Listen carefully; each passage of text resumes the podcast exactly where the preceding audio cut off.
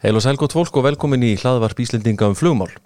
Reykjavík Flight Safety Symposium hefur fest sér í sessi sem áhugaverður vettvangur umræðu um ímislegt sem varðar öryggi í flugi. Þarna koma saman fjölmarki sem tengjast fluginu bæði beint og óbeint eins og flugumferðastjórar, stjórnendur flugfélaga, flugmenn og fleiri. Við ætlum hér á eftir að ræða við tvo framsögumenn á ráðstefnunni í ár, þau Yngvar Tryggvason flugstjóra og dóttor Erlu Björstóttur.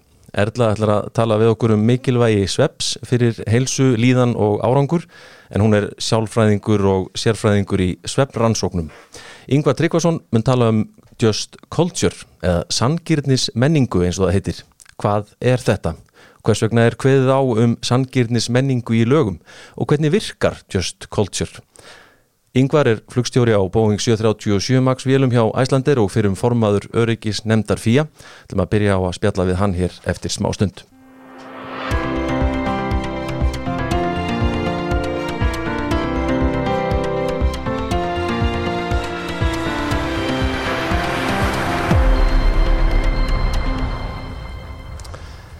Já, við ætlum að tilenga þennan þátt svolítið Reykjavík Flight Safety Symposium og hann er mættu til okkar Yngvar Tryggvason flugstöri. Verður velkominn. Takk fyrir.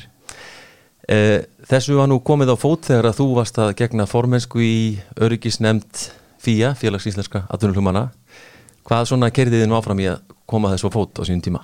Já, við rúluðum þessu verkefni að stað og um, það var kannski kveikjan að því að það var eitt eldfjall að hrista sig eitthvað hérna um árið Já. ég manni hvert það var en uh, til að gera langa sögu stutta þá var komið á fundi upp í flugdelt Æslandir með Söru Barsotti eldfjallafræðingi frá Viðst og Vísnans og fleirum og hún held slíkan glimrandi fyrirlestur frólegan að ég hugsaði með mig þetta er eitthvað sem atvinnulumenn þurfa að sjá og heyra og það var nú eiginlega kveikjan og fyrsta ráðstöðunar var haldinn 4. april 2017 á Amalíká Þannig að þetta er sjötta skipti sem hún er haldin þessi ráðstöfna. Já, þetta hefur verið haldið eh, árvist síðan 2017 byrjuðum á, á vordögun svona april en svo var COVID-röskun og þetta er komið á hösti núna það kemur ekki að sög. Nei, en svona markmið að halda þetta vantilega árlega? Já, ég hef lagt mikið upp úr því. Já, ok. En hvernig svona, eh, hvernig hefur aðsóknin verið á þessa fundi? Aðsóknin hefur verið ágætt myndi segja, það gleður mann að sjá að það er fjölbreytt þversnið af, af samfélagin sem kemur. Ég myndi óneittalega vilja sjá fleiri flugmenn koma en það eru flugumferðarstjórar og fólkur öllum áttum. Og við viljum nú tala eins um þitt erindi hér á eftir hérna Just Culture og allt það. En var það kannski líka það sem að var svolítið að reyka þið áfram í þessu að fá svona e, hinn og þessi sjónarhornin sko í fluggeiranum? Jú, það hefur verið allavega mótífið svona sem ég hef lagt upp með, með, með ég var í öryggisnefndinni að, að, að fá fyrirlesara sem er að, að fjalla um eitthvað sem er bara áriðandi í samtímanum, eitthvað sem við erum að fást við. Og það getur verið eldfjallaváin, við hefum verið að fjalla um uh, EGNOS, hérna, leiritingabúnaði fyrir GPS-leðsu og svo er alltaf öryggismenningin eitthvað staðar þannig með sko, Já. þannig að það er svona fjölbreytni í þessu alltaf. Og öryggismenningin og nefni það ég mann, og eh, leiður þetta með að þetta er nátt safety culture eins og, eins og þetta heitir upp á einskuna svona hvernig að viðhalda henni og stíkt mann eftir fyrirlesara í, í þá veru og þegar við vorum að heitast hérna undirbúa þetta skemmtilegt að heyra því tala um þetta sko hvernig það er þegar eitthvað fyrir úrskeiðis hvaða spurninga kom upp? Er þetta til í aðeins að deila Já, þessu? Já, náttúrulega ég hef tók klukkutíma eða ekki? Þegar slís eða óapverða þetta eins og við veitum það er sjálf einn báran stök sko. það, þetta getur varða veður infrastruktúr á flugvelli eða vélina sjálfa eitthvað svo leiðis en oftar en ekki er öryggismenning hjá viðkomandi flugfélagi svona samverkandi þáttur. Mjög með þetta hérna, svisneska ostinum og allt það. Og uh, menn hafa verið að leita leiða þess að styrkja öryggismenningu í flugfélagum og flugleisuð þjónastu leita allra leiða. Og uh, þetta er langklaup að, að, að rækta öryggismenningu og einn ein nýtniðasta skilgreiningin sem ég, ég hef þetta hann að séð er, er svo sko how an organization behaves when no one is watching. Og svo getur við yfirfært þetta á einstaklingi líka bara how an individual behaves when no one is watching. En, en alltaf þegar einhver slís eða, eða eitthvað svona eitthvað fer úrskeiðis að þá, fólk fer alltaf að spyrja þessara spurninga. Hvernig gæt þetta gæst byrju, vissið þú ekki að ég var búin að, ég, vissið þú ekki að ég var ekki búin að og svoleiðis? Þannig að þetta snýst alltaf okkar starf og flugumferðastjóra líka og flugvirkja í þessari framlínu að við að, við þurfum alltaf að afloka fullvisum að það sé búið að gera eitthvað. Það snýst alltaf um það að tekka hvort öðru og, og það, kallar, það er það sem kallar þess að meðvitund. Og þarna eins og þú segir, þú ert búin að tala um nokkra hérna eins og veðustofuna flugumferðarstjóra, þarna eru svona þessar svona rattir að koma saman og koma með það sem að helst er á döfinni kannski. Já og, og það eru þetta mikið veðu þáttur líka í þessu rásinum held að, skapa hana vett og það sem fólk hittist Já, og, og tala saman. og tala saman. Og fólk sem hefur kannski talað saman bara ráðrænt um tölvupost hittist auðlitið til auðlitið svo ómendalegt En við ætlum að tala eins um Just Culture, þetta sem að þú ætlar að uh, fjalla um í þínu Já. erindi á ráðstefnunni ár. Getur þú, hérna, þetta er nú örgulega ekki einföld spurning, en hvað er Just Culture? Já, hvað er nú það? þetta er, eins og ég myndi segja, svona uppskrift af mjög ákjósanveri mannöðustjórnun. Uh, þetta er búið að vera í gerjun í, hvað má segja, síðan 1997, en uh, helsti fræðumæðu samtímans sem hefur verið að fjalla með um þetta Sidney Dekker starfa núna við Griffith University í Ástralju en uh, það er búið að skrifa heilmikið um þetta og, og má segja þróunaferlið á þessari hugmyndafræði kemur frá ICAO og svo er þetta búið að fara gennum Európusambandið í, sem hefur gefið út reglugerðir. Og þaðan kemur þetta inn í lögum lottferðir til Íslands 2016 þannig að þetta er lagabókstafur og skilgreiningin liggur fyrir sem menning þar sem aðalum í framvarðalínu rekstrar eða öðrum er ekki refsað fyrir aðtapnir, yfirsjónir eða ákvarðanir sem þeirra hafa tekið og samrýmast reglu þeirra, reynslu þeirra á þjálfun. En þar sem uh, vítavert gáleisi brot af ásetningi og skadalegar aðtapnir eru ekki liðin. Þannig hljómarið heila orð. Og uh, þetta eru þetta að innlega svona menningu. Það þarf að gera eitthvað meira en að skrifa þetta inn í handbækur og setja upp plakut sko. en í grunninn snýst þetta um að eh, starfsfólk og stjórnendur komið sér saman um mörkin á millið þess hvað er ásættanlega hefðun og hvað er óásættanlega hefðun og að þessi lína sér dreygin uh, eh, þannig að sátt ríki á ákveðnum forsendum og, uh, og fólk uh, í, í framvarðalínu upplifi, upplifi sig í þeirri stöðu að það geti óheikað upplýst og sendin uh, öryggistilkynningar um mannleg mistök sem það gerir í starfi. Ég vil þótt að verða engar afleðingar bara til þess að varpa ljósi á rekstararumkörfið sem erum í starfsumkörfið eitthvað sem betum á fara eitthvað sem ber að varast. Og þetta byggist aldrei mikið á trösti tröst er límið sem heldur þessu öllu saman sko. Eh, er þetta emitt, þú segir að þetta kom inn í lög fyrir nokkrum árum síðan en hvernig sýnist þér svona flugfélögin sem ég meinti að sé nú kannski það sem við erum að horfa á helst hérna séu svona, hvernig gengur þeim að, að, að koma þessu í funksjón? Já, nú er sko samgöngustofa eftirlisaðalinn en ég hef góða tilfinningu fyrir því að við séum á, á mjög góðum stað með þetta hér á Íslandi auðvitað eftir höfðunum þessar liminir og uh, stjórnendur hér á Íslandi hafa þekkingu á þessu og, og vita út á hvað þetta gengur. Það eru skilvirkar, öryggisteldir starfrættar þannig að eftir sem ég best veit þá er það í, í góðu horfi, það getur vel verið að séu einstaka tækifæri til, til framfara eitthvað staðar. En uh, ég hef mjög góða tilfinningu fyrir þessu. Og það er, eins og segir, það er náttúrulega mikilvægt fyrir vinnustadi og, og, og svo sem greinar kannski fleiri heldur um flugið að menn átti sér á þegar mistök verða að, að eins og segir, það sé látið vita um þau og, og svona hægt að krifja af hverju verða þessi mistök. En mitt, orsaka þættirnir geta leið á svo ótal mörgum stöðum og eins og hann skúli Jón Sigursson orðaði svo skemmtilega alltaf á, á 15 skvöldum mm. bíósan, við verðum að læra mistökum annara en þess að við lifum ekki nóg lengi til að gera þetta sjálf. Þetta er svo ómetanlegt fyrir okkur að fá þetta allt upp á borðið sko, alla þessa vitneskju og þess vegna er, er, er rík áhersla lögð á það að just culture þetta á ekki bara heima í flugðan þetta á líka erindi inn í hilberiðskeran kjarnorku er oljuborpalla mm -hmm. allstaðar í svona flóknu starfsumhverfi það sem afleðingar mistaka geta orðið dýrkjöft sko. Þarna þarf að vera líka þá til staðar kerfi til þess að svona, það sé til dæla einfalt fyrir mann, maður lendir í einhverju að maður svona, heyrðu, já, heyrðu, ég sendi bara inn hérna eina stuttaskíslu og læt vita þessu. Einmitt. Og er það til staðar? Það er til staðar eftir sem ég best veit hjá öllum íslenskum flögreikandum að það eru þetta marga tegundar af þessum hugbúnaði en aftur íslenskum flögreikandum er skilt að vera með þetta í ákveðinu horfi mm -hmm. þannig að flugmenn eiga, eiga upplefa, upplefa það sem svo að þetta sé aðgengilegt og auðvelt að koma þessari vittneski á framfæri. Og ekki bara flugmenn, þetta er líka þeir sem bara starfa við kringu flýið, fólki flug... sem er að afgreða vélarnar, flugumförustjórn og allir hinnir og um, auðvitað eru flugreikandunum með þessar gáttir opnar en samgöngustofa er líka með gátt á sinni vefsíðu til að koma svo framfæri sko.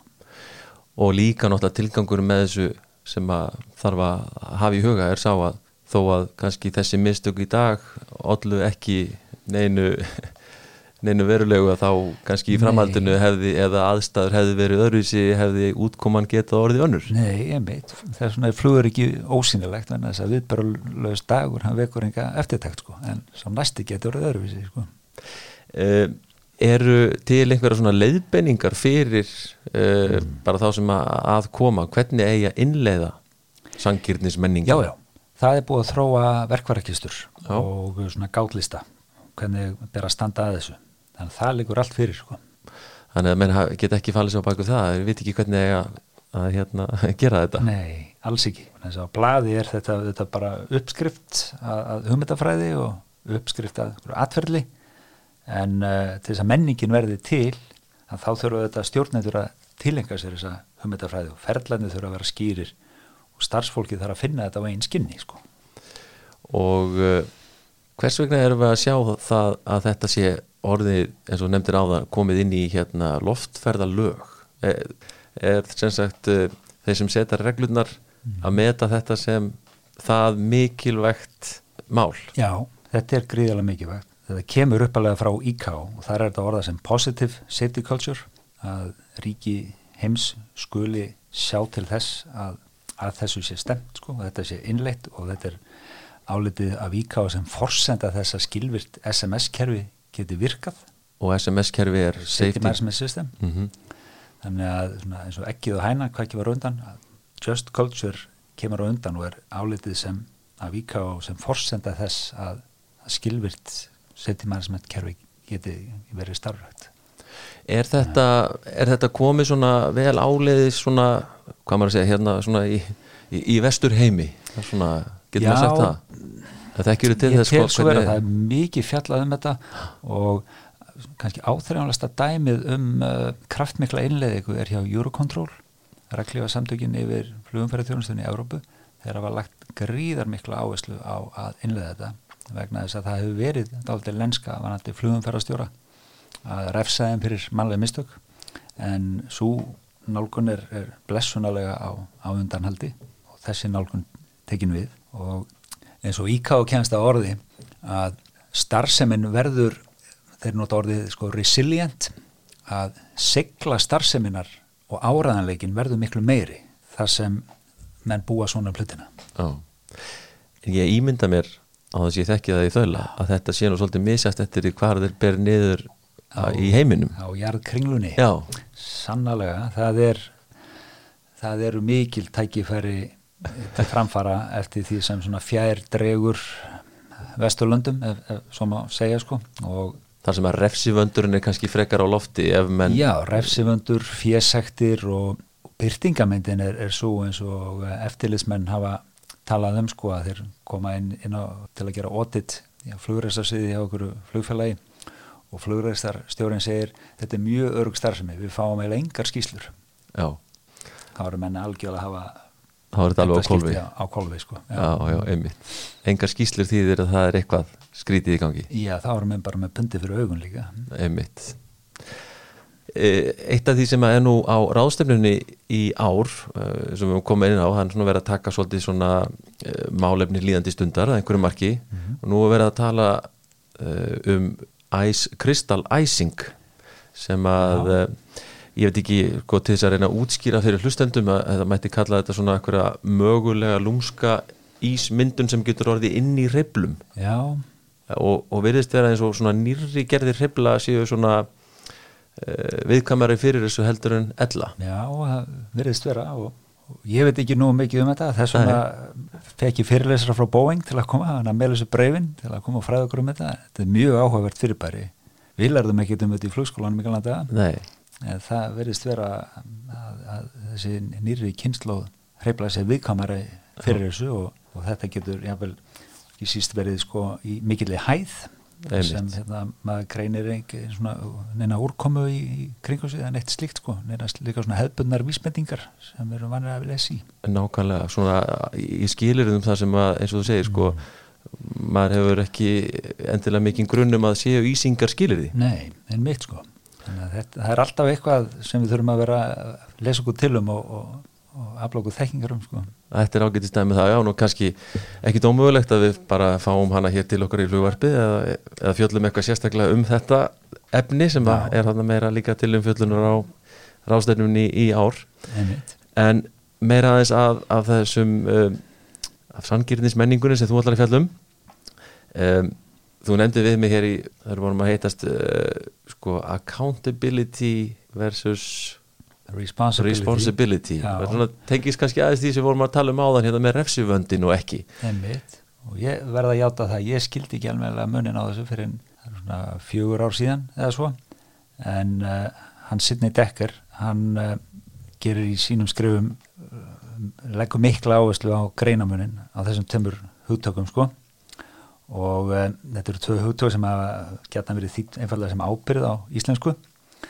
En þetta er ekki saman hluturinn sko. og við í, í íslensku eigum kannski 6 orði við snjókomu og 14 orði við hérna, snjó hvaða nú er sko. Ég held að munurinn á þessu tönnu hafi vafist fyrir okkur sko. Og uh, ég ætla ekki að svara þessari spurningu núna en uh, það er mjög frólægt að uppgöta þetta svona sjálfur lesa þessi til um þetta Accountability og responsibility. Já og í hvaða samhengi þessi tvö orð eru notuð sko. Já, einmitt.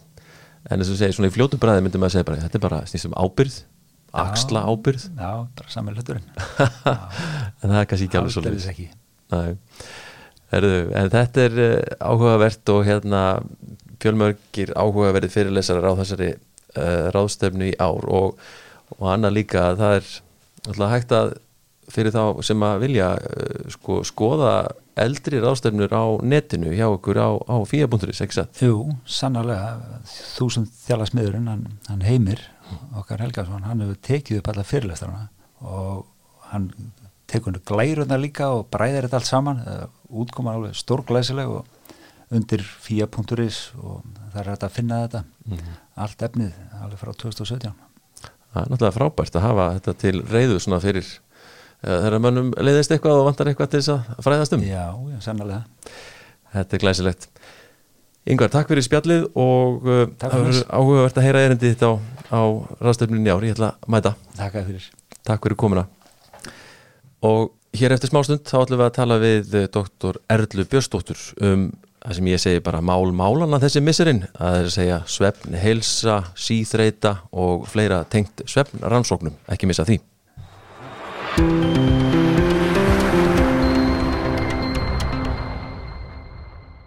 Doktor Erla Björnsdóttir, sálfræðingur og sérfræðingur í svepparansóknum, mætt til okkar, velkomin í þáttinn. Takk fyrir.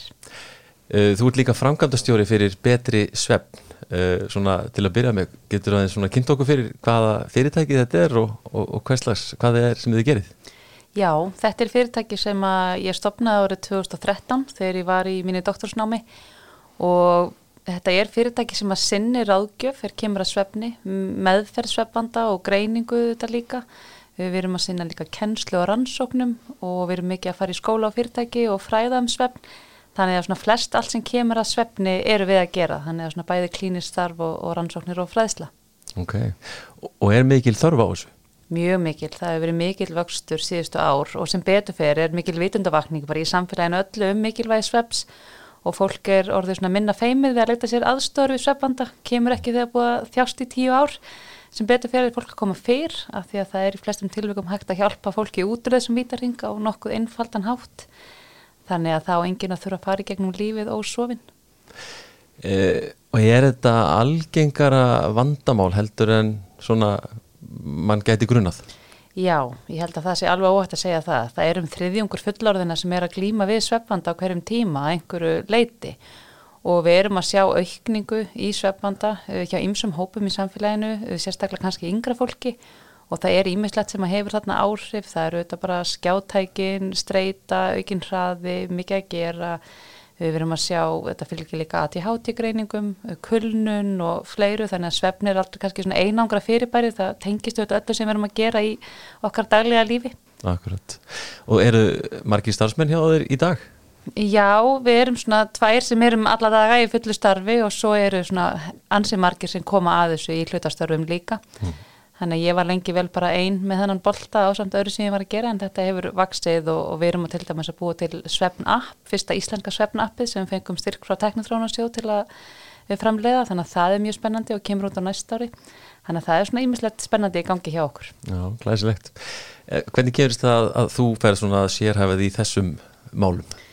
Já, ég er að klára bara mastersnámið sem sálfræðingur þegar áhugin á svefni kviknar. Eh, ég byrja þá að gera rannsókn þar sem ég er að skoða offit og þunglindi og ég fer alltaf inn að sjá eitthvað sem er sameigilegt með þessum hóp sem að er að glíma við ofþyngd og er líka þunglindur. Að margir voru að glíma við sveppvanda og sérstaklega kæfisveppn og þá svona opnuðu svolítið augum mín, ég hafði aldrei verið að pæla neitt mikið kannski í sveppni og sveppnu þetta tengist eiginlega hverju einasta andlega vandamáli sem að til er. Þannig að hvort sem við erum með kvíða, deburð, áföll eða hvaða er að þá kemur sveppnin þar inn. Þannig ég sá bara svo mikið tækifæri fyrir mig sem nýjan salfræðing að sérhafi með þarna. Og þegar maður byrjar að rannsaka svefna þá er þetta svo spennandi fyrirbæri að því það er svolítið mistist. Það er, uh, auðvitað vitum við margt um svefni en það er líka mörgum spurningum ásvarað og þegar maður er rannsakandi og vísundamæður þá er maður auðvitað forvitinn og maður vil læra nýja hluti. Þannig að það heitlaði mjög, mjög fljótt og svo bara hef ég ekki snúið frá svefninum síðan að ég byrjaði. Og svo hefur mér alltaf þótt líka bara mjög gott að sofa og verið mjög aftur minn eigin svefn og ég á fjögur börn og hef alveg upplifað það að missa svefn. Þannig að hérna að ég grínast oft með að ég sé bara í vinnunni þegar, er, þegar maður minn er að fá mig fram úr lögutum og ég vil svo lengur sko. Ég verða hérna practice for a preach sko Já, ekkur, er, eru kannski Eh, þráttur sem að gæti haldið sko ekkit mikla rannsóknir til um þetta eða hvað?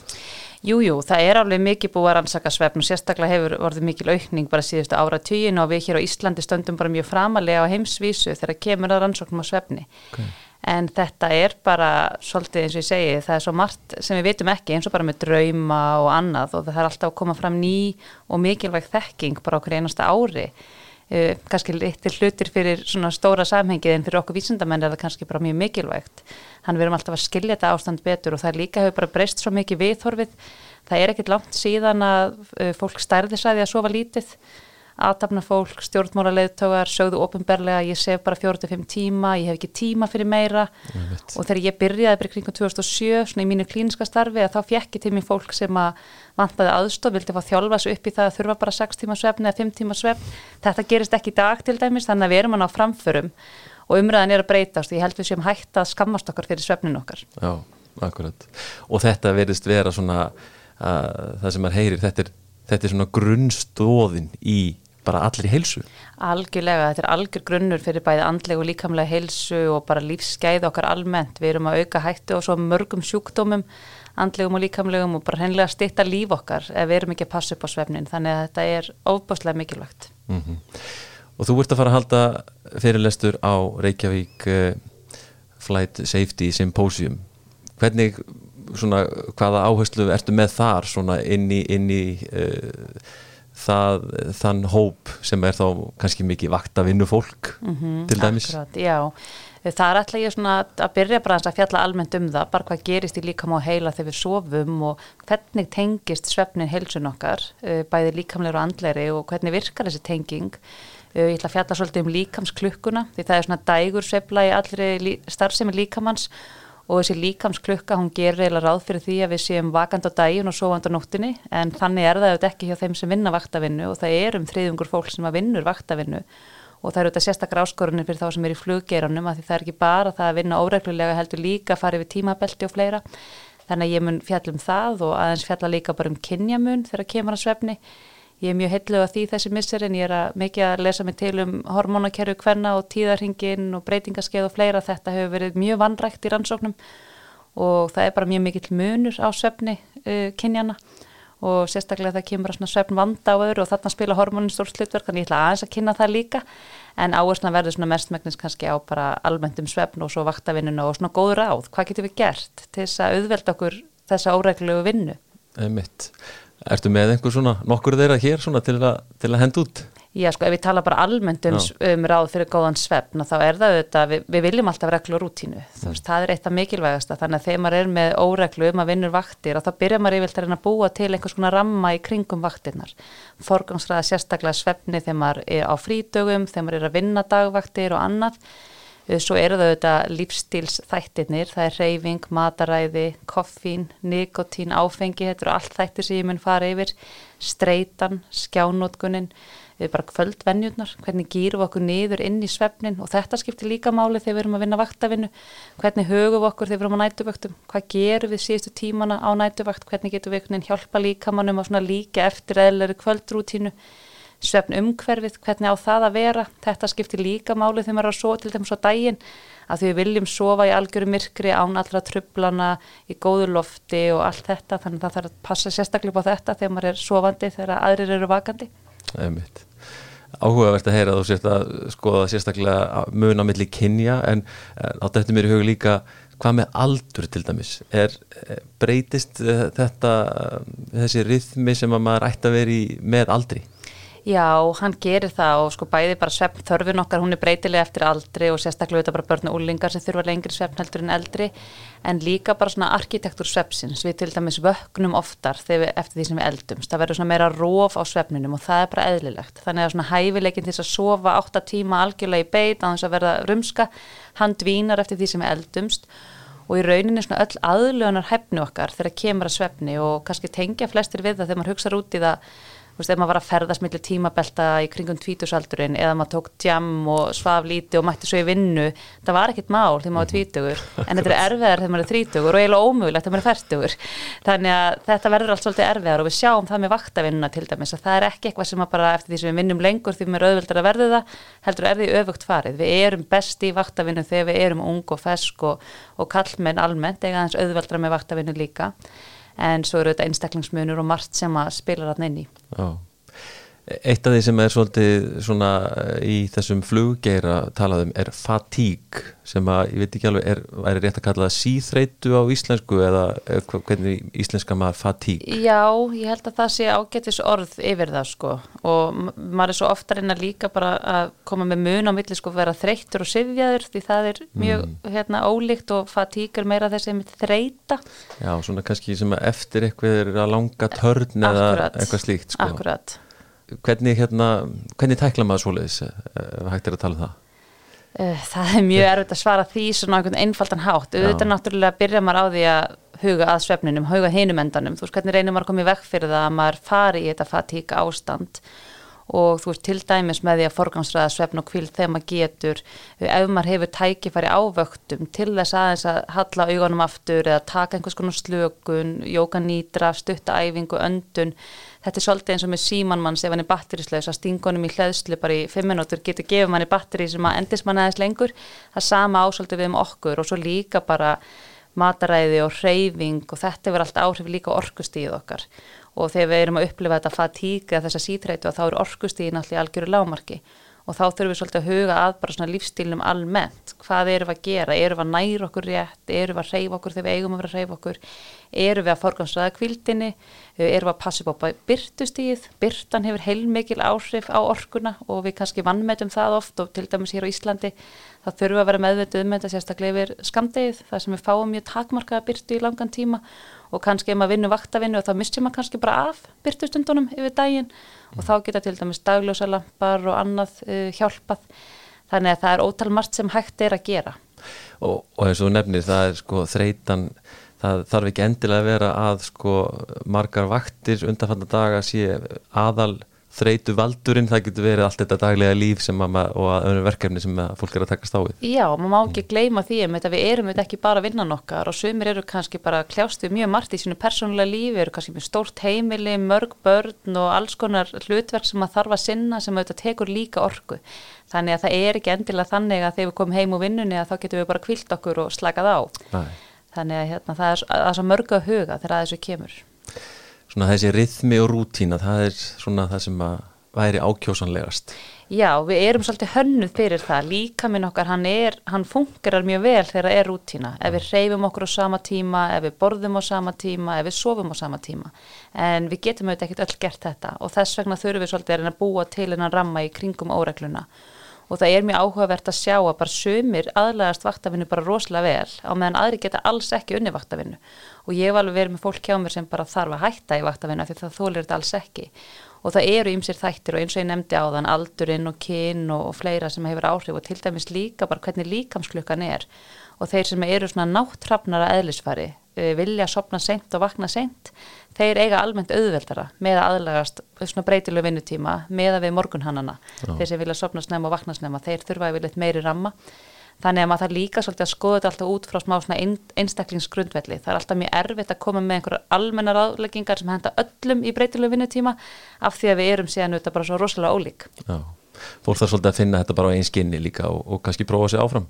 Já, algjörlega og líka þarf maður að passa sig á því að verða heldur ekki hrættur við það þegar að koma slæma nætur að því að þú veist ég sé það mjög hjá mínum sjúklingum sem eru komið með langarandi svefvanda að þá eru hann sem ekki kvíði fyrir að fara að sofa, kvíði fyrir því að sofa illa og annað og þetta finn ég stundum til dæmis hjá fólki sem er í fluggeranum, þú ert kannski að fara í Amerikuflug og þú ert ekkert nefn bráðin kvíðin fyrirfram fyrir því að þú veist kemur hann á hóteli, mun ekki sopna, þetta er nýtt umhverfi og þessi kvíði kannski veldur því þú náir ekki að sopna mm -hmm. þannig að það kannski líka reyna að hugsa um það ok, það er þá kannski bara þannig að ég sef kannski bara aðeins minna þegar ég er í þessum aðstæðum þegar ég er í akkurat í þessu Amerikuflugi en ég reynir þá bara að passa betur upp á þetta þegar ég get þess á milli. Þessi eina nótt er kannski ekki það sem er að fara að hafa áhrif á heilsu mín og líðan til lengri tíma. Mm. þannig við þurfum að horfa heldamindin og þetta er eins bara með íþróttamenn sem er að fara að keppa að því að svefnir er alveg rosalega mikilvægur fyrir árangur í íþróttum, fyrir bara styrk og úthald og þól, en oft verður svo mikil áhersla á að sofa rosalega vel nóttina fyrir keppni og þá eru þetta bara spenna á adrenalin og kvíði og þá er bara sefum að ég er bara lítið sem ekkert,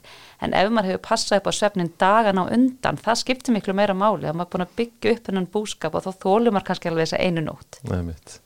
Man kannast nú alveg við þetta sjálfur sko, meira sig að þegar maður er að fara á nætuvakt eða eitthvað slíkt að að nú þarf ég að fara að kvíla mig. Já. og maður er með pressu á sjálfum sér nú þarf ég að fara að sopna og þá, þá sopna maður ekki. Nei, svefnin er náttúrulega ekki svona on-off takki sko, maður getur ekki bara kallaðan til sín þegar maður vill. Nei. en þá þarf maður líka að muna ok, það er svo margt sem ég get gert til að kvíla líka má heila þó ég sopna ekki. Og til dæmis bara eins og Jóka Nýtra sem er bara algjör snill, þetta er bara svona djúb slökun og hægt að sækja þetta bara í smáfóræti sem maður getur gert hvar sem er, bara upp á hótelherbyggi eða eitthvað þó þú náður ekki að sopna, neðu nærð djúpslökun að þá ert að endur nýja bara svona virkni bæði líka má hugar og það fleitir þér alveg allavega fram á næstu vakt sko. Já, einmitt.